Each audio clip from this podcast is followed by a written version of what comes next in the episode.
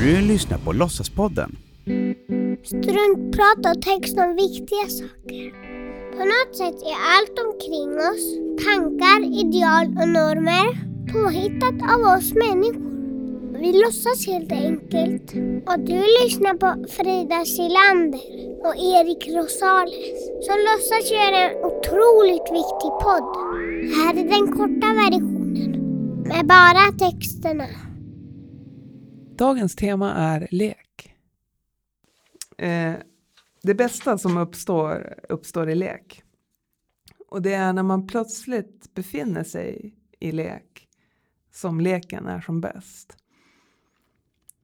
I en av hagarna i Salom så står det ett badkar som bonden Lasse har ställt ut för att korna ska kunna dricka ur det. Och en vintervår för tre år sedan så när korna var inne i laggården så gick min tjej Eva och jag förbi där och såg att det där var inte ett badkar. Och det var inte heller ett dryckeskar för korna. Det var en kanot. Och snön som låg på åken var en böljande flod. Vi stoppade fjädrar i håret och målade våra ansikten. Insvepta i filtar så klättrade vi över staketet och satte oss i kanoten. En spade fungerade som paddel. Vi tog lite fotografier med självutlösaren. Plötsligt så saktade en bil in på vägen. Stannade. En man klev ut. Vad gör ni? Det var Lasse. ja. Bonden. Jag klev ur kanoten och skyndade mig fram. Stod där krigsmålad i mina fjädrar. Som att det inte var något konstigt alls. Hallå, alltså förlåt, alltså vi skulle bara ta ett foto. Jaså, det är ni? Han kände igen oss. Ja, eh, jo, alltså badkaret såg ut som en kanot och så bara ni inte gör sönder något. Nej, vi är försiktiga. Han klev in i bilen. Jag satte mig i kanoten. Jag leker mycket på alla möjliga olika sätt. När jag letar ett ljud, bygger med ord, klättrar i träd, dansar, kittlas, kryper på golvet med syskonbarnen, härmar en rörelse, följer en fjäril. Leken finns överallt. Och den vidgar livet. I leken finns oändliga möjligheter. Att leka är att utforska, improvisera och pröva sig fram. Att leka är att fantisera, att passera gränser, att förtrolla världen. Det är nyårsafton 1990.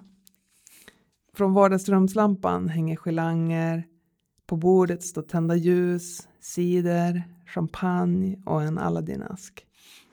Alla har klätt upp sig i finkläder. Någonstans i bakgrunden ligger en liten person i soffan. Den här personen firar inte nyår i Holmsund. Den här personen befinner sig på en salon och tar igen sig efter en hård dag på prärien. Det är jag. ja. Hatten är djupt neddragen över ögonen. Jag har jeansväst, poncho och chapsen som mamma sytt åt mig. Och hon har också gjort ett grönt revolverbälte i läder. Pistolen och gevären som står lutad mot väggen bredvid har pappa sågat till. Vi hade förmodligen Umeås största ammunitionsförråd i trä. I bröstfickan har jag ett paket med cigaretter rullade av vita A4-papper. Jag ligger där och sippar på något bärnstensfärgat. En centimeter äppeljuice i ett vanligt dricksglas. Whisky. Yes. Jag har babyface och saknar skäggstubb, men det gör ingenting. Jag är Clint Eastwood. Jag är blond i dollartrilogin. Att vara cowboy i Västerbotten på vintern var inte det allra enklaste. Men jag löste det. Jag tog först på mig tech-overall och utanpå den så trädde jag sen på liksom den lilla jeansvästen, chapsen och allt det andra.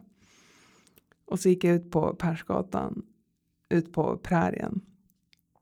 Ingenting kunde stoppa mig från att vara i min värld.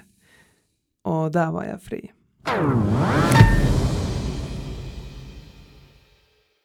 Det sägs att jag är bra på att leka.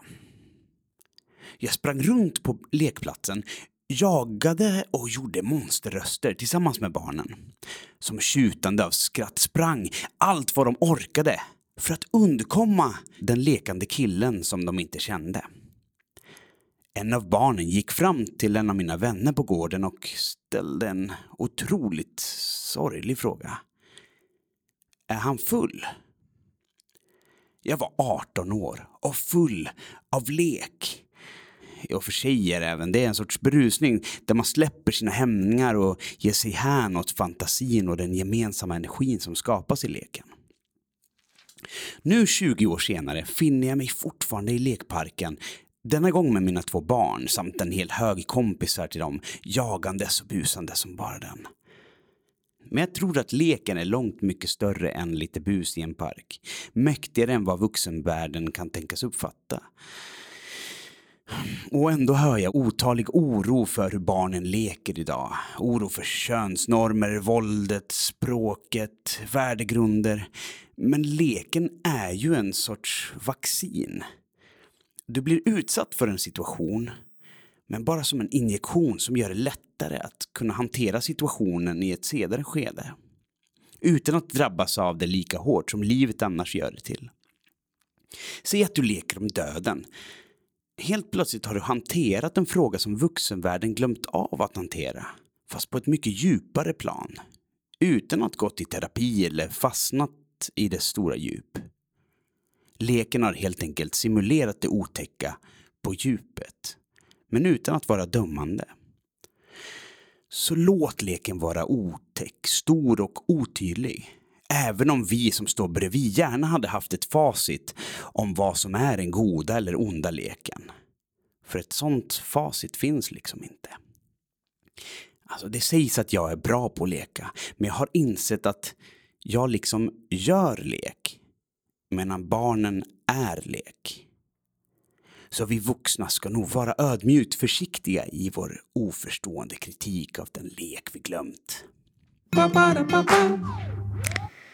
Los, los celosas poder, los celosas, los poder, celosas, los poder.